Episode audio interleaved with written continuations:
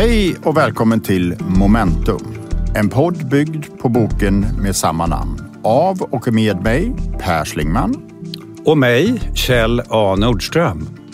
Det här är en podd som handlar om vad som händer med vår värld när en dimma av koldioxid, bomber och virus sveper in vår planet. I detta avsnitt så riktar vi blicken mot oligonerna. När världen faller sönder i ett antal värderingsbaserade regioner som vi kallar oligoner så ställer vi oss frågan hur mår oligonerna? Och det här är en podd som är samproducerad ihop med bokförlaget Volante. Men vi vill också passa på att tacka våra samarbetspartners som är lika nyfikna på framtiden som oss. TV4 och Diös.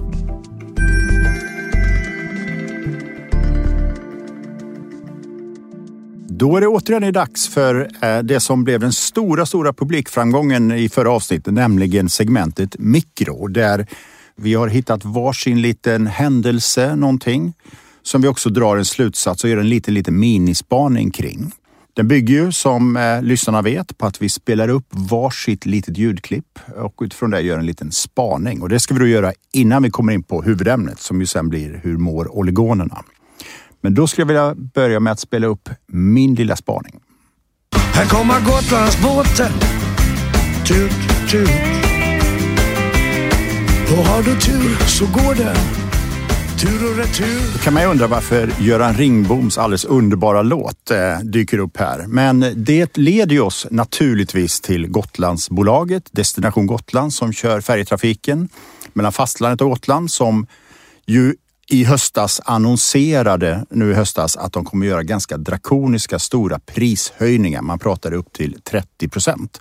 Det till sin tur leder ju till inflation som ju är någonting som har blivit en följd, inte minst av både kan man säga pandemin och eh, kriget när vi hittar nya försörjningskedjor. Det blir brister i försörjningskedjorna och så vidare. Och det som jag tycker är intressant med inflation så är det ju att det betyder egentligen två saker och jag tror att för ganska många så blir det som en skog. Man vet inte hur man ska förhålla sig. Det ena är ju ganska enkelt. Det betyder ju att plånböckerna hos konsumenter och kunder blir mindre. Alltså ökar konkurrensen. Och det gäller då att vara mer, liksom ha bättre än konkurrenterna.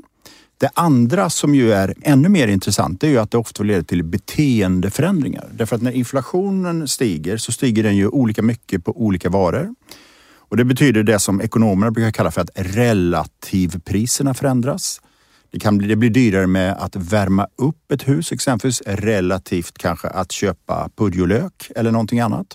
Och det förändrar våra beteenden och vi ser det här exempelvis i konsumentledet i fysiska butiker, det vi kallar budget, växer väldigt mycket och lyx växer, men det som är däremellan tenderar att liksom tryckas tillbaka. Och varför tar jag upp den här spaningen då? Jo, jag tar upp den därför att man brukar ju säga så att i kriser så finns det möjligheter att faktiskt ta nya positioner och gå ur kriser starkare än när man gick in i krisen.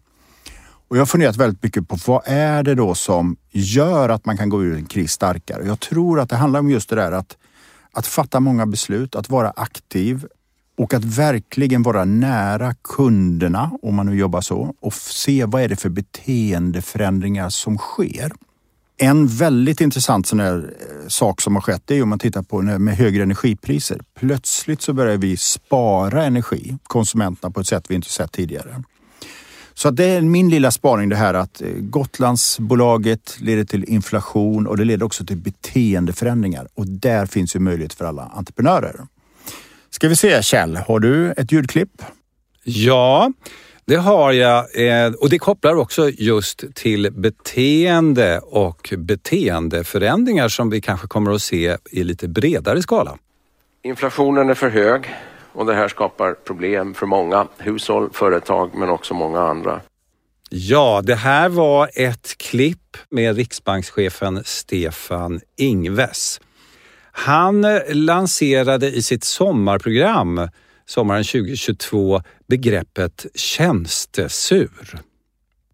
Det innebär helt enkelt att man inte är sur själv när man går upp på morgonen och går till jobbet men det ingår i ens arbete att meddela saker som kanske inte är alltigenom behagliga.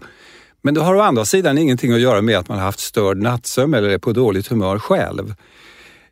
Man kan säga att det här är ju ett annat sätt att uttrycka att skilja på sak och person. Någonting som många av oss har fått lära oss att göra.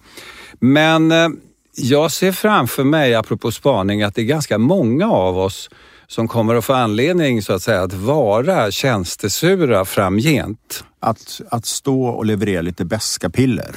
Det är helt enkelt frågan om att leverera beska piller trots att man kanske har haft en riktigt fin morgon.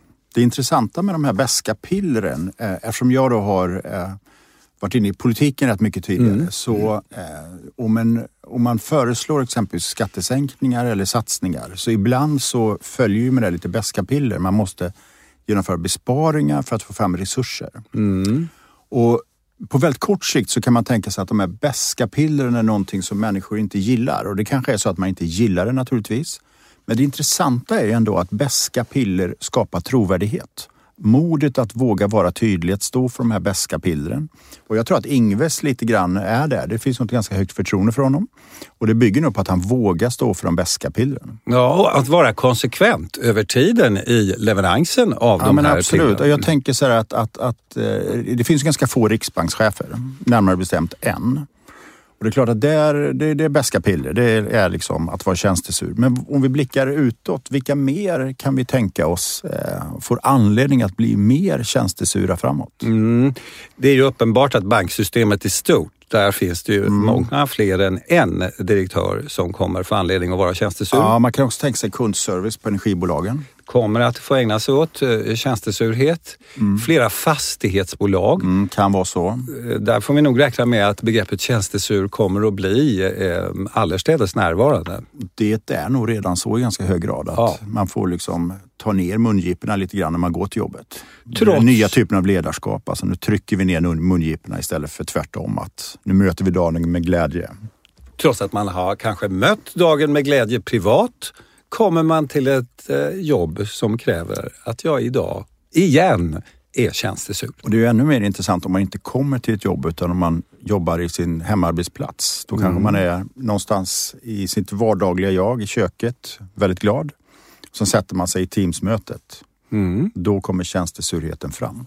Och då får man ju en ganska stor eh, skillnad mellan de två rollerna själv hemma där i köket. Bra! Segmentet börjar gå mot sitt slut lite grann. Man kan säga att vi har pratat om inflation i två dimensioner utifrån ett tjänstesurhetsperspektiv och utifrån perspektivet att det leder till beteendeförändringar.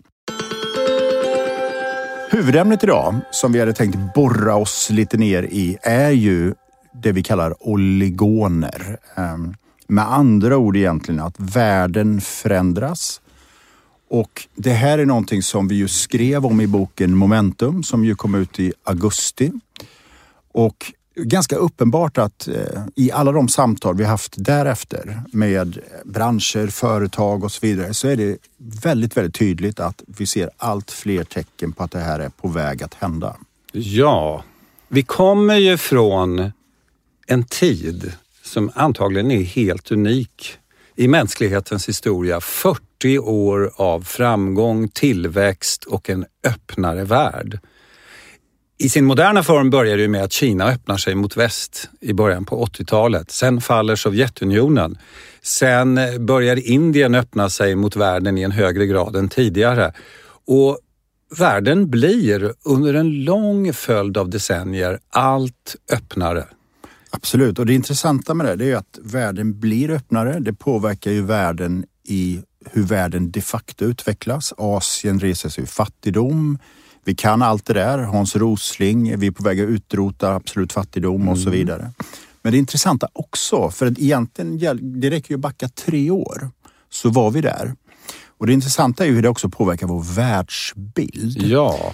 Nämligen att på något sätt så styrde det hela vår bild av världen. Eh, pengar kostar ingenting. Tillväxten är i princip evig hela världen kommer att öppnas upp. Eh, och det brukar man ju prata om det här att... Försvarspolitik kanske inte var högst upp på agendan? Nej, nej, utan då pratar man att vi behöver inget eget försvar utan försvar och säkerhet gör vi i samarbete med andra. Och vi brukar ibland använda den här eh, boken The End of History av Francis Fukuyama som ett exempel. Det kanske är peak den här tiden. Det kanske också är en av de mest eh, ambitiösa titlar jag känner till. Något pretentiös. Mm. Mm. 1992 skriver alltså Francis Fukuyama The End of History. Kan inte du läsa ett citat? Jag läser ett citat. What we may be witnessing is not just the end of the Cold War or the passing of a particular period of post-war history, but the end of history as such.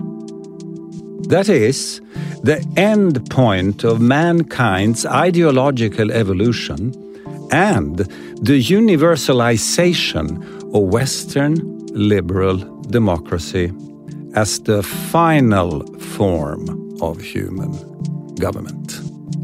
Precis, och vi dissekerar det här och så är det ju egentligen ett otroligt uttalande. Att vi har nu den slutliga formen av human government. Och egentligen mänsklig existens i någon mening. Det finns inget annat alternativ. Eh, eftersom återigen då jag har varit inne i politiken, det här är ganska likt. Carl Bildt skrev ju en liten bok som heter Den enda vägen. Mm. Och på något sätt så Vilket år skriver han den? Minns du det? Det måste varit 90-talet. Tidigt, tidigt 90-tal. Jag tänker om de här två herrarna inspirerar varandra. Ja, men jag tror det, för den kom ju 92, uh, The End of History. Och jag vill verkligen uppmana alla att läsa den här boken. Den är väldigt läsvärd. Just som ett historiskt dokument men det som är också intressant är ju att om man tänker sig att vi kommer från den här tiden. Vi har ju pratat väldigt mycket om att globalisering, urbanisering, digitalisering styrde vår världsbild. Väldigt, väldigt hoppfullt. Allt skulle egentligen bli bättre. Mm. Och sen så möter vi de här pandemin, kriget, klimatkrisen, polarisering, den här flytande rädslan. Det är klart att det blir ett enormt brott mellan den tiden som var och den tiden vi lever i nu. Och det har då bara skett på tre år. Ja. Så det är klart att, att det finns mycket att fundera på och det är mycket som händer. Och då brukar vi säga att Ibland så tänker man så här att Nej, men nu möter vi några kriser. Det är en parentes och vi kommer sen gå tillbaka till hur det var. Men jag skulle säga att allt mer pekar på att det här är liksom formativa förändringar som kommer vara permanenta eller som Fukuyama skriver universella. Jag tänker på en bild som du och jag har delat någon gång i ett samtal att världen eh, blir som en sån här gammeldags polaroidbild just nu. Det är lite dimmigt precis i början när man tagit bilden och så tittar man intensivt på den där bilden och så träder plötsligt ett ansikte fram och jag kan se att där är ju Per och, och, och just det, och där är min granne. Jag börjar se vad bilden faktiskt innehåller och lite så tycker jag att det är med hela vår värld just nu. Att vi tittar intensivt på den och framträder någonting annat än det Fukuyama beskriver och någonting annat än det vi har levt i de här 40 åren. Så är det ju definitivt och jag kan ju också bara säga, vi skrev ju, vi var ju lite, inte riktigt men lite i hans stil. Vi skrev ju, vad var det, 2014 en bok som heter Urban Express mm. och när vi jag kommer ihåg när vi några år senare fick frågan eh, om ni skulle skriva den idag, skulle något vara annorlunda? Och då var det ju väldigt tydligt eh, säkerhetsläget ur vår horisont. Men inte skulle jag säga det här att globaliseringen fortsätter, eh, globala företag, globala försörjningskedjor, vi trycker ner kostnaderna. Det är någonting som har kommit och det har kommit ganska hastigt. Det vi såg eh, konturen av redan tidigare i den här polaroidbilden, eh, det var ju egentligen det här att under en ganska lång rad av år så har vi sett hur det vi kallar för automatisering ökar. Nämligen den här idén som idén om globala företag bygger på, nämligen att placera olika delar av produktion i olika länder, mm. tenderar lite att jämna ut sig när det behövs mindre och mindre människa i produktionen eh, och mer och mer automatisering. Mm. Och sen pandemin också så har ju investeringarna i robotautomatisering ökat dramatiskt. Men på något sätt var det som, tror jag, att den här liksom pandemin och inte minst sen kriget blev som en liten hockeyklubba. Nu tog utvecklingen fart. Och bara för att eh, rekapitulera då så vår syn är ju egentligen så här att värden och idén om globalisering ersätts av regioner, inte nödvändigtvis geografiska utan mer värderingsmässiga, politiska, internetbaserade. Det här får då konsekvenser ekonomiskt, men det får också konsekvenser för populärkultur och annat. Egentligen allt vi människor gör. För tänker vi tillbaka så satte vi ju det där ordet global, global eller att vara global framför det mesta. Global underhållning, global eh, publishing, global media, globala finansmarknader. Allt blev global med åren. Mm, och jag kan säga att jag, jag var ju ett tag statssekreterare i statsrådsberedningen och försökte jobba med Sverigebilden. Och då hade vi rätt mycket samtal med svenska företag om att vi då tyckte det var viktigt att de också betonade sitt svenska ursprung. Men jag kan säga det vanliga bland företag var nej, nej, nej, nej. Vi är global. Vi är globala. Vi har ingen hemmahörighet. Vi har ingen hemmamarknad. Och här kan man säga ett väldigt tydligt brott. Jag tror att det var Dagens Industri faktiskt som skrev en väldigt intressant ledare på temat Made in Sweden. Det som var otroligt fult tidigare, att prata om Made in Sweden. Plötsligt så definierar man det som en stor möjlighet att faktiskt göra mer, producera mer i Sverige. Så det är klart att det som ju är bärande just nu, det är just när vi ser hur världens försörjningskedjor förändras. Att de blir allt mer regionala. Det är uppenbart så, vi ska komma in på det lite senare, att allt fler flyttar sitt, minskar sitt beroende av Kina. Mm. Det finns också en hel del sentida, väldigt spännande exempel på företag som, som flyttar. Exempelvis ett är ett företag som heter Telestep som ett exempel eh, som, som tillverkar teleskopiska stegar som flyttar hem produktionen från Kina. Vi har ju tidigare ofta pratat om Synsam. Jag vet att du eh, brukar ofta titta på Intel. Ja, jag var på ett besök i Tyskland här förleden och fick mig berättat för de enorma investeringar som står för dörren i tyska Magdeburg. Och där är det alltså Intel som kanske gör den största investeringen som någonsin har gjorts i den här delen av världen, alltså i Europa. 68 miljarder dollar ska här investeras i att bygga upp chiptillverkning i Europa. Ett slags utkast till en europeisk Silicon Valley kan man säga. Men på tysk mark i det här fallet. Och såklart, det här är ju i samma logik som du beskrev. Det handlar om att göra ett oberoende av resten av världen. Få vår oligon så att säga att stå på egna ben. Och Det här blir då allt mer uppenbart och vi ser också kan man säga inom kapitalförsörjning. För det ena är ju var tillverkar vi saker och ting? Det andra är ju var har våra företag sin marknad? Där är det ju ganska uppenbart att den blir allt mer i vår egen oligon. Men det tredje kan man säga, det är också var vi försörjer våra verksamheter med kapital. Mm. Och det är också sådär, ser vi, eh, var ett väldigt tydligt exempel på börsen våren 22 när ett företag tog in pengar från Saudiarabien. Eh, väldigt, väldigt mycket badwill. Så det är också på något sätt att andel tillgängligt kapital minskar förutsatt att man inte är beredd att betala priset av badwill. Och det fjärde kan man säga, det är ju talangförsörjningen. Där det rimligtvis är så att vi kommer allt mer titta och rekrytera människor från vår egen oligon. Ja. Och det kan man säga, det här är ju en tydlig utveckling. Ett annat område som jag tycker har varit väldigt intressant att titta på på senare tid, det är ju idrotten.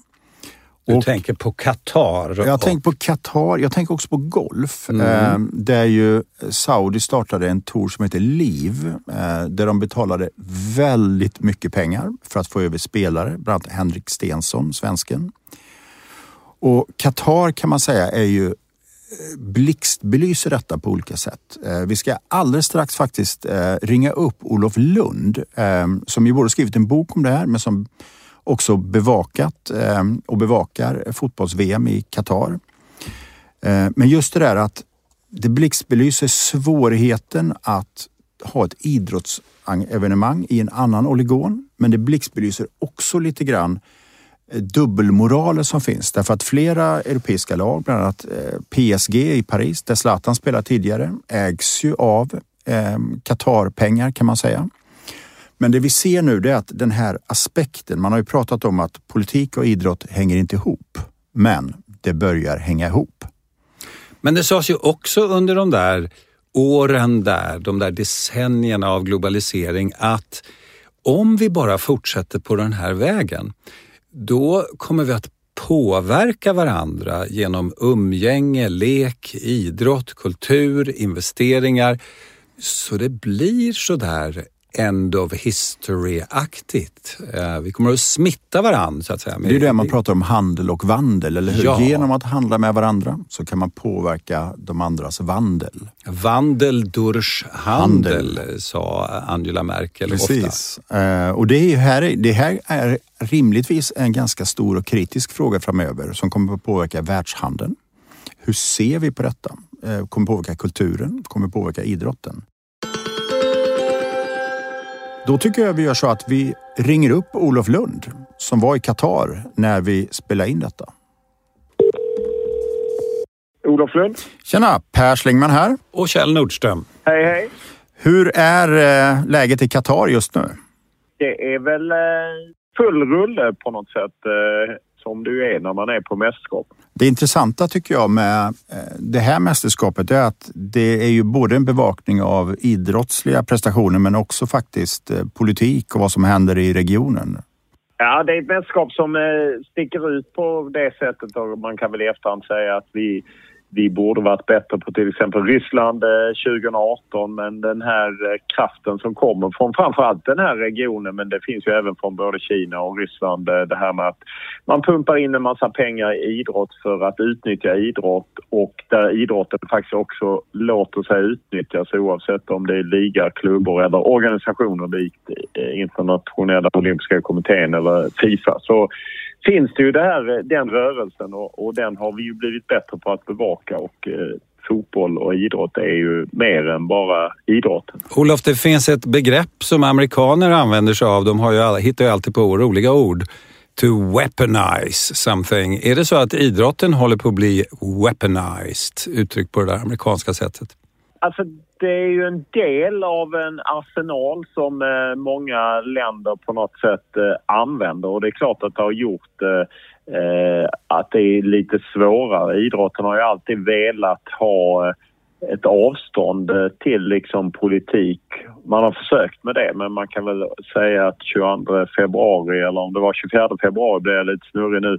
När Ryssland går in i Ukraina det sätter ju stopp för det för att då var ju idrotten tvungen att politisera sig det vill säga man var tvungen att ta det här beslutet att kasta ut Ryssland och efter det har det ju öppnats en massa eh, ja, känsliga situationer kring idrotten. En del undrar hur kan Israel få vara med för de upplever att Israel går hårt åt Palestina och det har man ju märkt här i Qatar där det är araber tar eh, läktarna, tar tillfälle på läktarna att liksom uttrycka sitt stöd för Palestina mot just Israel. Och så finns det mängder andra sådana exempel. Mm, precis, för att vi, när vi tittat på det så har vi tittat som jag sa mycket utifrån ett mer ekonomiskt och politiskt perspektiv och det är väldigt tydligt att den här idén vi hade med en global värld där eh, alla länder blir demokratier och vi samarbetar eh, och genom även att handla med varandra, man har olika politiska system så kommer man påverka varandra. Att den här ersätts egentligen av vad vi ser små embryon till, det vi kallar för oligoner, där vi mer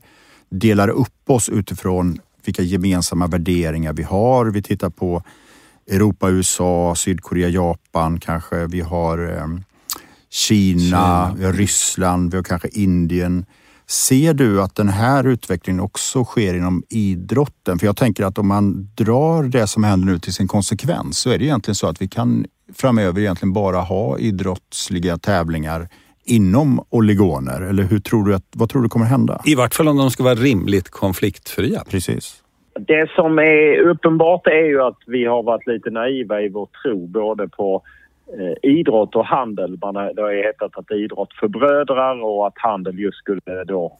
Det har ju funnits en tro på liksom i kapitalismen och eh, liberalismen att den skulle påverka och demokratisera Kina och Ryssland exempelvis. Det har ju inte skett eh, och det har inte skett med idrotten heller så att säga. Och det vi ser nu här i Qatar har ju varit där han som styr Fifa, Gianni Infantino, en schweizare, att han spelar ju på just det här som ni lyfter fram, eh, eh, att världen delas upp i det funkar inte riktigt att vara globaliserad för det blir för mycket, det skaver för mycket och det har ju, spelade han ju på när han i sitt han skulle ju hålla en presskonferens och höll ett inledningsanförande på en timme där han ju gick till ett skarpt angrepp mot Europa och kritikerna därifrån mot Qatar och menade att resten av världen är någonting annat. Och det är ju det är så han säkrar sin makt i, i Fifa för att eh, det finns inom, framförallt inom fotbollen, en väldig frustration med Europa som ju Dels gör man som man gjorde förr i tiden. Man tar råvaror från exempelvis länder i Afrika, det vill säga unga talangfulla spelare, så tar mm. man dem till Europa och så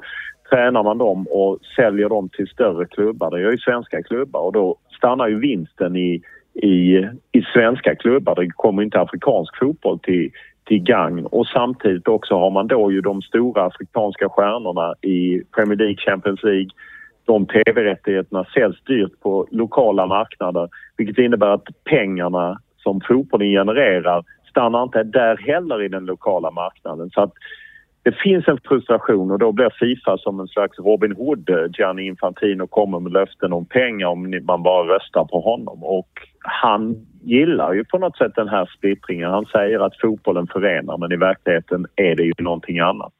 Ja, jag du säger så här att vi är naiva, vi har varit naiva. Eh, det finns en frustration. Men tänker du så här att, att vi står inför ett vägval där idrotten antingen kommer gå den här mer fortsatt globala vägen eller att vi kommer att dela upp oss mer? Eller tror du att det här bara är början på en utveckling där vi kommer få se en ökad, kan man säga, regionalisering? Jag tror att det vi har sett i en del sporter som simning där man hade alltså det som man kallar disruption. Att eh, det kom en, eh, en miljardär från Ukraina och utmanade internationella simförbundet startade en annan simtour för, och det gillade simmarna för de fick mer pengar. Egentligen är det ju det eh, som saudierna hoppat på med golftouren Live Golf idén kom inte från saudierna utan den fanns egentligen från början för man ville ut... Många golfare var missnöjda med USA-touren eller PGA-touren för de fick för lite pengar tyckte de. Då kom det en idé om att starta liksom en mer stängd liga, ungefär som superligan i fotboll. Och sen är det saudiska pengar som har gjort det möjligt. Eh, jag tror att vi kommer få se sådana slitningar i systemet. Det talas ju lite löst om att Uefa och eh, även det sydamerikanska fotbollsförbundet boll. de var ju på väg att liksom lämna Fifa när Fifa ville köra VM vartannat år för det skulle ju slå mot deras verksamheter. I Uefa har ju EM vartannat år och i Sydamerika har man Copa America. Viktiga turneringar, dels sportsligt men också som ger pengar till de organisationerna. Eh, nu blev inte det så för att Fifa la de planerna på is men jag tror att vi kommer att se nya sådana splittringar. Men att det verkligen skulle falla samman tycker jag är svårt att se därför idrotten där trots alla de här slitningarna så lyckas idrotten hålla ihop organisationer därför att även, även förbund i Europa får ju mycket pengar av Fifa och både direkt av Fifa men indirekt om man med ett VM spelar och vill spela VM. Så att det är väldigt, väldigt svårt att bedöma vad som kommer ske men att det är en våldsam kamp om makt och pengar även inom idrotten och att det just är uppdelat i regioner, det är väldigt tydligt. Men det blir lustigt nog en slags eh, tävlan om hur man ska tävla så att säga. Så är det ju. Jag tänker på tungviktsboxningen var under en period eh, hur många fanns det eh, konkurrerande firmor? Tre? Fyra? Ja, det är ännu fler idag. Eh, och man kan ju ta boxningen som ett exempel att boxningen har ju tappat. Jag menar, eh, vi som är gamla nog och, och har läst om Ingmar Johansson och liknande när det fanns en världsmästare, då var ju boxningen störst.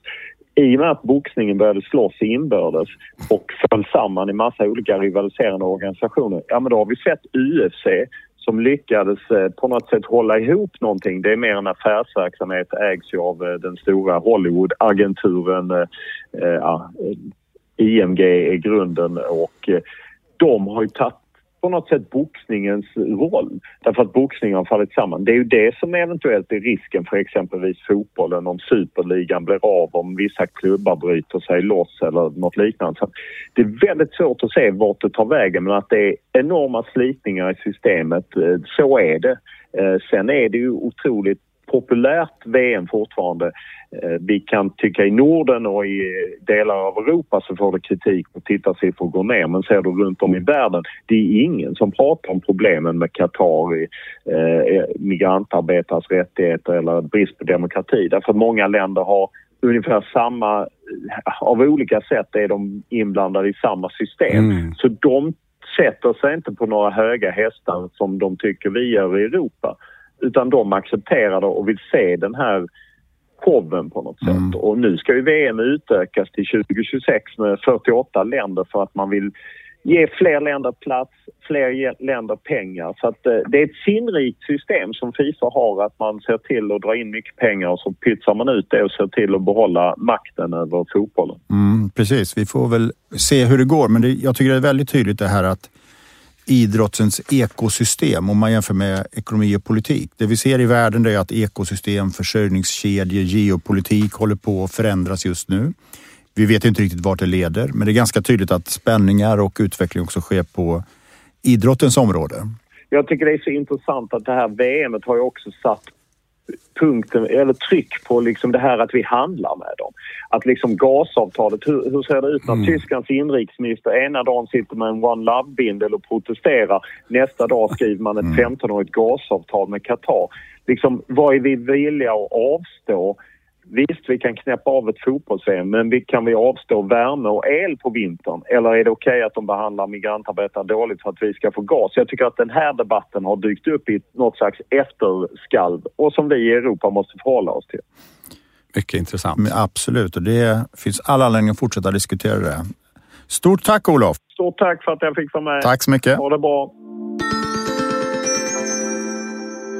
Det är alltså inte bara politik och ekonomi som påverkas när man tittar på den där polaroidbilden, tänkta polaroidbilden av världen.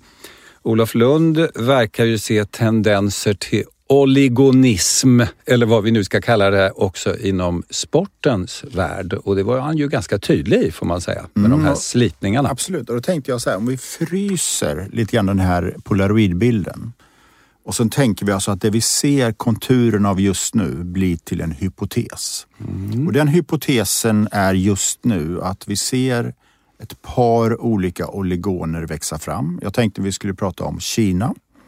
Jag tänkte vi skulle prata om Ryssland. Jag tänkte vi skulle prata om det vi är en del av, Europa, USA, Japan, Sydkorea. Mm. Jag tänkte vi skulle prata lite om Indien. Och ställa oss frågan egentligen, hur mår de här olika oligonerna? Om världen går ifrån nationalstater, globalisering till mer av oligoner. Då är det ju en väldigt central fråga hur de olika oligonerna mår. Först tänkte jag bara, eh, för att kanske eh, rulla in lite dur, så att det inte blir för mycket moll, eh, så läste jag historikern Timothy Snowden på Twitter häromdagen. Han skrev så här.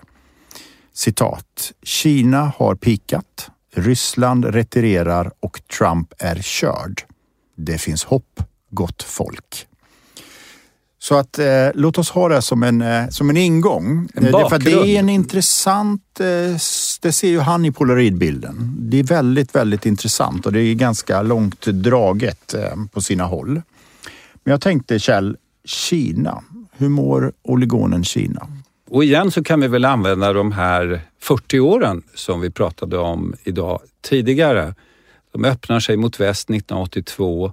De har en chef som heter Deng Xiaoping under den här perioden som är en väldigt pragmatisk herre och som är tydlig med att det är ekonomi som ska vara det ledande systemet och att ideologi ska komma i andra hand. Och det är det Kina som många av oss förhåller oss till under en lång tid. Det är det Kina vi investerar i under en lång tid. Vi, alltså resten av världen. Och det vi har sett under den ledare som nu eh, sitter i eh, Peking, alltså Xi, är en total 180 graders omorientering. Det är det politiska systemet som ska vara det ledande systemet. Ekonomi får anpassa sig och det får kosta om det behövs. Det vill säga ekonomi är inte prioriterat på samma sätt som det var under de första 30 åren när Kina öppnar sig mot resten av världen. Det här eh, kan man ha en hypotes, för att citera dig Per, om att det kommer att kosta Kina någonting i tillväxt. Och kostar det Kina någonting i tillväxt, då kostar det sannolikt världen också någonting i tillväxt. Så vad du säger egentligen det är ju att vad vi ser nu det är ju att eh, Kina väntas få en långsammare tillväxt än övriga Asien. Vi ser ju hur eh, företag eh, planerar att minska sin närvaro i Kina. Det finns en ganska färsk undersökning av EUs handelskammare i Kina som visar att 23 procent av de europeiska företagen planerar att minska sin närvaro. En förklaring till det brukar ofta vara att eh, titta på att eh, de har fortfarande lockdowns och covid och så vidare. Man ser också att de har ett ganska ett tilltagande inflationstryck. Så att eh, eh det finns all anledning kanske att hålla ögonen på Kina och kanske inte förvänta sig att det ska vara det här eh, ekonomiska loket som vi haft som idé och sett i världsekonomin? Jag tror att eh, även de som eh, har jobbet att vara diktator har kollegor och tittar på varandra. Eh, Kina har ju naturligtvis sett eh, över åren utvecklingen i Ryssland till exempel och hur man periodvis tappade kontrollen i processen att gå från Sovjetunionen till förvandlingen till Ryssland och fick oroligheter av olika slag. Kina vill inte ha, eh, nuvarande regim i Kina vill inte ha oroligheter och är villiga att betala ett pris för detta. Mm. Kontroll kostar. Mm, så vi kan tänka oss att eh, Kinas ekonomiska betydelse och tillväxt eh, kan mattas av framöver, inte minst relativt sett till andra oligoner i världen. Men samtidigt så säger du att Kina nu prioriterar politik. Vad om man blickar på den här polaroidbilden, vad tror du om hur Kina tänker på världen utanför sina egna gränser? Kina har ju eh, historiskt inte varit så intresserad av att eh, ockupera andra delar av världen annat än om det har funnits kineser, om det har varit områden som är helt kinesiska. Det är ett ganska tydligt mönster. Det fanns ju en ambition från Kina om att bygga upp distributionsvägar ut i världen. Alltså hamnar, transportsystem av olika slag som skulle pumpa ut kinesiska produkter och pumpa in komponenter till den eh, kinesiska industrimaskineriet. Detta planlades och sattes igång för 15 år sedan. Det är samma här, att i den mån som det nu inte passar in i den politiska ram som Peking ganska hårt pekar ut för de kommande åren, så kommer det att få stå tillbaka mm. för kontroll och stabilitet. Jag tror man ska läsa den här kontrollen som en ambition att skapa stabilitet i mm. Kina. Sen så ser man ju också en konsekvens av det du sa. Det är ju att, att man idag eh, har finansierat ganska mycket, inte minst infrastruktur som ju då kommer att eh, le, leder eller, och kommer att leda till att eh, många länder kommer att eh, vara skuldsatta och beroende av Kina. Så att ja, om vi ser på Kina så får man ju sätta ett ganska stort frågetecken kring vart det är på väg. Det är också så att Kina själv har sagt flera gånger att de vill lite grann bort ifrån det här att vara en låglönemarknad och upp i vad man kallar värdekedjan. Och att andra nu inte minst asiatiska länder eh, försöker aspirera på att kanske få en del av produktion. I det perspektivet är det också intressant att se att, att eh, Joe Biden flera gånger har tagit ganska tydliga initiativ för att knyta länder som Thailand, Vietnam och andra länder till sig. Så att det är också någonting som händer i regionen. Man kan vara helt säker på, eh, Timothy Snowden i citatet eh, som du läste från Twitter säger Kina har pikat. Och det tror jag är en rimlig hypotes att Kina nu hamnar på en platå ekonomiskt en tid framöver. Mm. Kontroll kostar. Ska vi lämna Kina och gå över på Ryssland eh, som ju är fullt upptagna med eh, eh ett invasionskrig men om vi tittar på ekonomin så läste jag en ganska intressant eh, studie häromdagen och den visar sig att de fem nordiska länderna, vår samlade ekonomi, de, den är nu större än Rysslands ekonomi. Och att man har ett ganska kraftigt BNP-fall.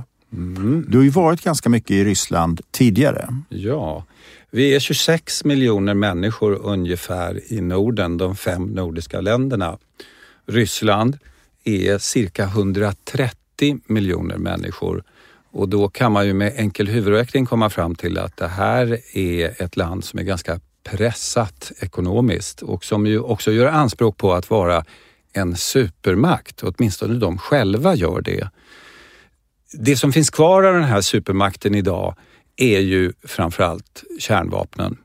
Det här är ju en kärnvapenmakt som är tungt utrustad eh, i den dimensionen, men som i övrigt har ganska svårt att väga in i klubben av eh, supermakter i världen om vi tittar på ekonomisk eh, tillväxt, innovationsförmåga, exportindustri annat än råvaror.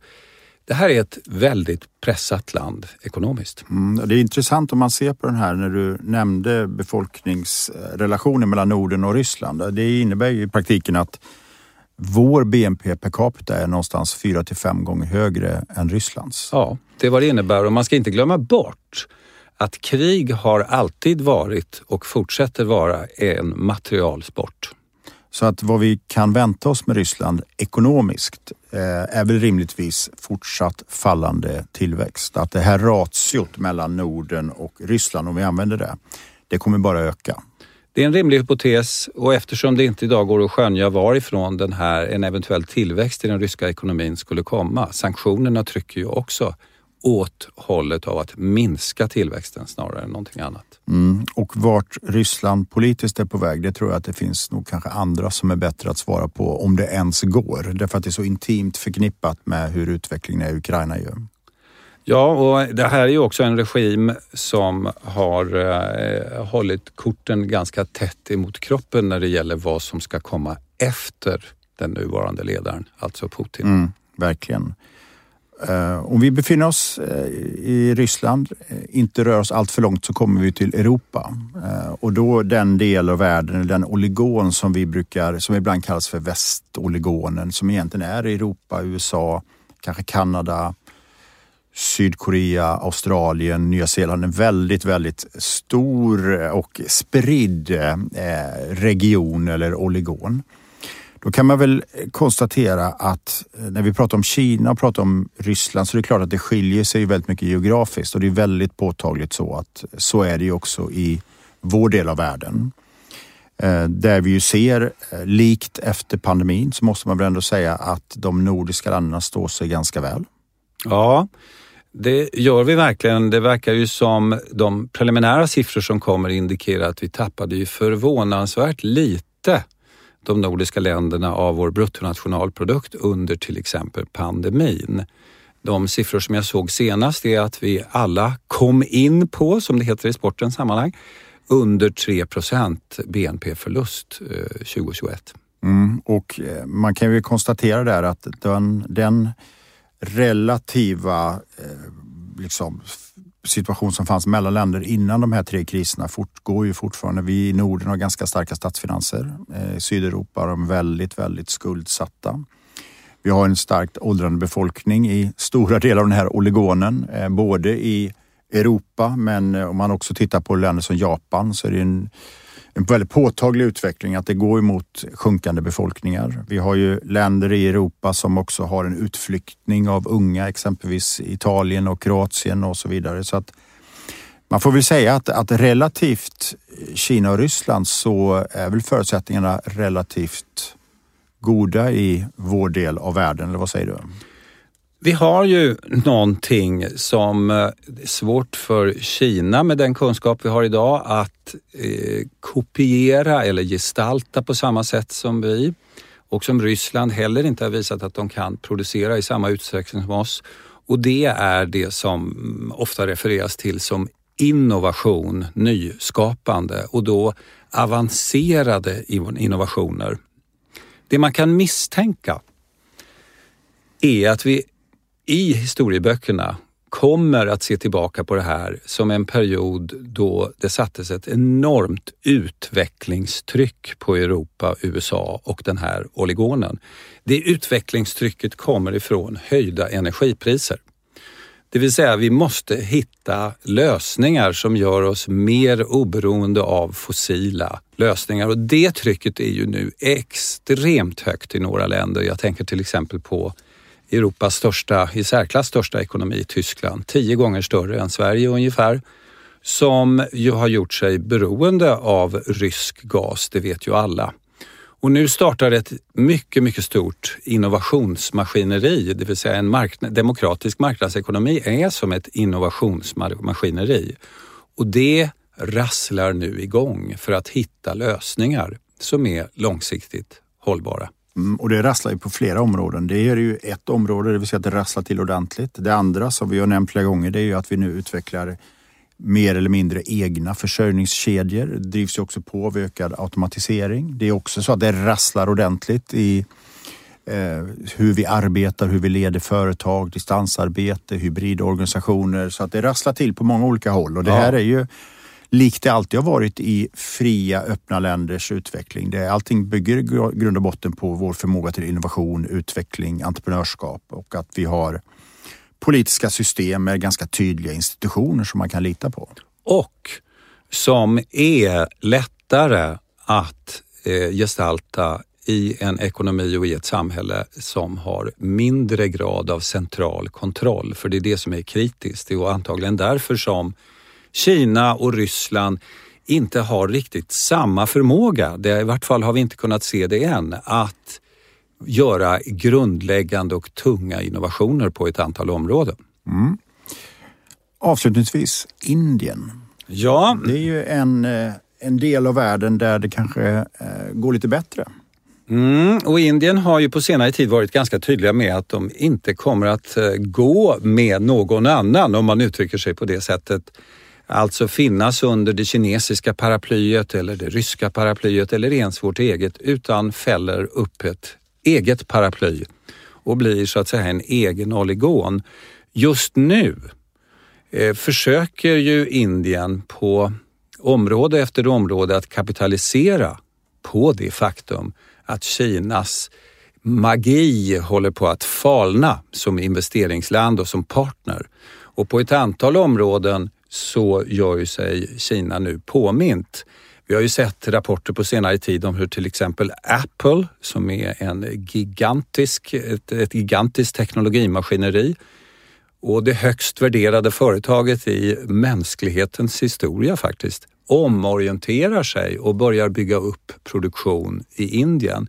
Och när en så stor spelare rör sig tydligt från en partner till en annan så tror jag inte man ska underskatta de långsiktiga konsekvenserna och att lampan så att säga tänds ovanför Indien. Fler av oss kommer att intressera oss för det mm, Precis, och ser vi exempelvis på 2021 så hade man ju en väldigt eh, fin tillväxt, inte minst relativt många andra länder. Ja. Ja, då har vi kan man säga eh, i alla fall reflekterat lite grann kring fyra olika paraplyer här. Kina, Ryssland, väst och Indien. Mm tror det finns alla anledning att komma tillbaka till det beroende på vad som händer framöver, både ur ett eh, ekonomiskt men också politiskt perspektiv. Ja. Mm, och då är det dags. Eh, I varje avsnitt så pratar vi med en av våra underbara partners som gör denna podd möjlig. Och denna gång så är det Diös och vi ringer upp Mia Forsgren som är kommunikationschef. Välkommen Mia! Tack så mycket. Hej! Hej! Kan du berätta någonting om Diös för de som möjligtvis inte känner till det? Det gör jag gärna. Diös är ju ett av Sveriges största fastighetsbolag eh, med en unik position i våra tio tillväxtstäder som är norra Sverige. Och då pratar vi från Gävle upp till Luleå. Spännande. Eh, I den här podden så har vi pratat väldigt mycket om vad som händer när globaliseringen utmanas och vi får det som vi kallar för oligoner. Och jag tänkte bara fråga dig, känner du igen dig i det här resonemanget och i så fall vad är din och er syn på det? Man kan säga så här att det som sker med alla stora investeringar på vår marknad som är norra Sverige då inom framförallt basnäringen det är ju väldigt påtagligt och starkt. Eh, idén om oligoner känns helt rimliga och vi kan ju koppla det till eh, att vi pratar om 15 minutersstaden där man bryter ner det till stadsdelar, kvarter eh, med tillgänglighet, hållbarhet och mobilitet som viktiga drivkrafter. Ehm, och stadsdelar och kvarterens miljöer blir väldigt viktiga platser för folk att vilja vara på. Så vad du ser egentligen det är att, att vi kanske går från den här idén om en global tummelplats, marknadsplats där vi alla var globala medborgare till att vi nu vänder blicken mot det verkligen lokala, vårt egna kvarter? Ja, vi, vi ser ju att, att eh, kvarter, stadsdelar med miljöer som moderna kontor, eh, urbant serviceutbud, eh, attraktivt boende, det skapar ju förutsättningar för starka lokala communities. Så man har sitt eget kvarter. Och det stärker också staden som helhet. Intressant. Jag tänker att om vi vidgar perspektivet lite grann och funderar utifrån Diös horisont. Ni är ju då som du sa verksamma i norra Sverige. Ni jobbar med stadsutveckling, så det är ju mycket av de stora eh, händelserna som sker just nu med klimatomställning, eh, stadsutvecklingen är ju ni mitt inne i. Eh, om du blickar framåt, vad är det för trender, vad är det för händelser som du tror kommer vara viktiga för er framöver? Vi ser framförallt två saker skulle jag vilja säga. Eh, den ena trenden handlar om moderna kontor och hur vi skapar förutsättningar för att stärka attraktiviteten att vilja tillhöra ett företag, ett varumärke, en organisation. Eh, det den andra trenden och attraktiviteten är ju att vilja bo i mindre städer utan då att göra avkall på det vi vill ha i vår vardag med eh, restauranger, serviceutbud och andra saker och ett bra jobb såklart. Och ha naturen nära. Eh, och med det menar vi att det är en livsstilsförändring som sker. Det gynnar verkligen våra städer. Spännande. Vi pratade i förra avsnittet väldigt mycket om kontoret, distansarbete och hela den här diskussionen som har varit kring eh, distansarbetet. Och om du säger så att, att det moderna kontoret är någonting som ni ser är i förändring. Vad är då det moderna kontoret skulle du vilja säga? Det moderna kontoret handlar om att vara en plats dit eh, medarbetare vill komma. Platsen kommer handla om mycket social integration. Eh, att, att det är modernt så tillvida att vi har tekniska förutsättningar, att vi har egna teamsrum numera och så vidare. Det är en självklarhet. Mm. Eh, platsen måste stärkas med den här, det schyssta kaffet som vi har pratat om en tid nu mm. och den sociala interaktionen där vi får ta, ta del av varandras idéer, tillsammans kunna skapa nya samarbeten, utveckling, innovationer och så vidare. Det ser vi, det måste kontoren kunna leva upp till och då handlar det om att från den, från den sekund du öppnar ytterdörren då ska du känna att du är i den kulturen, den energin som just den här arbetsplatsen vill förmedla. Så att vad du säger egentligen är att just nu så ser vi hur kontoren är i förändring och det är något som kommer prägla utvecklingen framöver. Ja, eh, och dessutom så ser vi att det, det kanske inte finns eh, konceptlösningar att sätta. Vi har pratat om cellkontor, vi har pratat om öppna landskap, vi har pratat om andra typer av koncept inom kontor. Det kommer handla väldigt mycket om att anpassa efter just det här företagets förutsättningar. Mm. Ehm, så mycket kreativitet och tankar precis vad man vill ha ut utav, utav kulturen, tänker jag. Ja, precis. Och vad man kan konstatera kanske det är ju att kontoret, synen på arbete har ju blivit en strategisk ledningsfråga på ett helt annat sätt. Håller med om det mm. till tusen procent. Det sitter väldigt mycket i ledarskapet. Mm. Jag vet att det diskuteras hur ska man få tillbaka sina medarbetare till kontorsplatsen. Vi, vi ser det som en essentiell del framåt och med det menar vi också att kan vi skapa en plats dit man verkligen vill komma på dagarna så kommer det att liksom krydda på den här eh, stärka varumärket och så vidare. Mm, spännande. Jag tänkte att vi måste också hinna med i alla fall minst en, en till fråga som jag tycker är väldigt spännande. Det är ju att, precis som du sa, så befinner ni er i norra Sverige. Och det går idag mm. inte att öppna en tidning eller öppna en webbläsare eller titta på liksom någon nyhets eh, sajt utan att vi läser om och ser den enorma boom av investeringar, utveckling som sker i norra Sverige väldigt mycket fokuserat såklart på klimatomställning. Och mm. ni som befinner er mitt i detta, vad, vad är er bild av vad som sker och hur kraftfull är den här utvecklingen? den är kraftfull. Eh, det, det, som är spännande för oss är att vi har varit på den här marknaden sedan bolaget startade 2005 och sen successivt har vi stärkt vår position i de här, just de här tio tillväxtstäderna.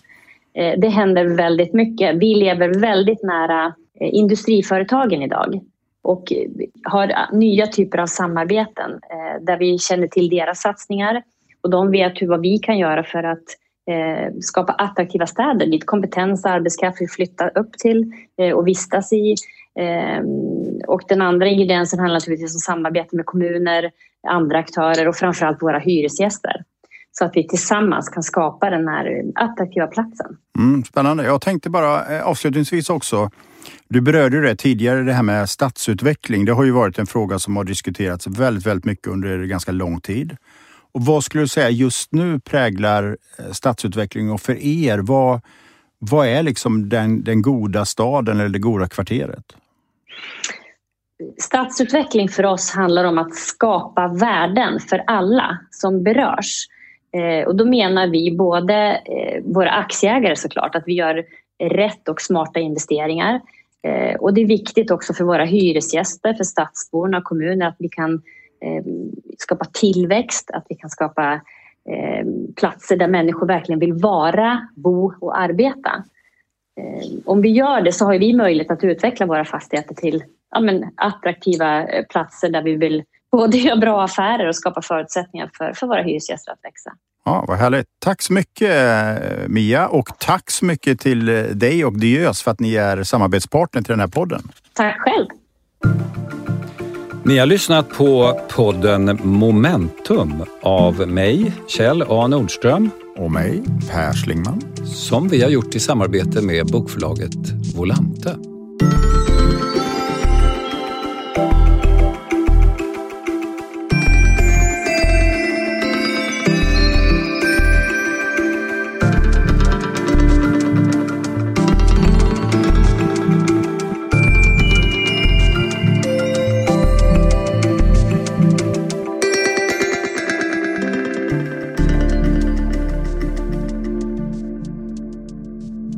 Det här programmet görs på Beppo. Beppo.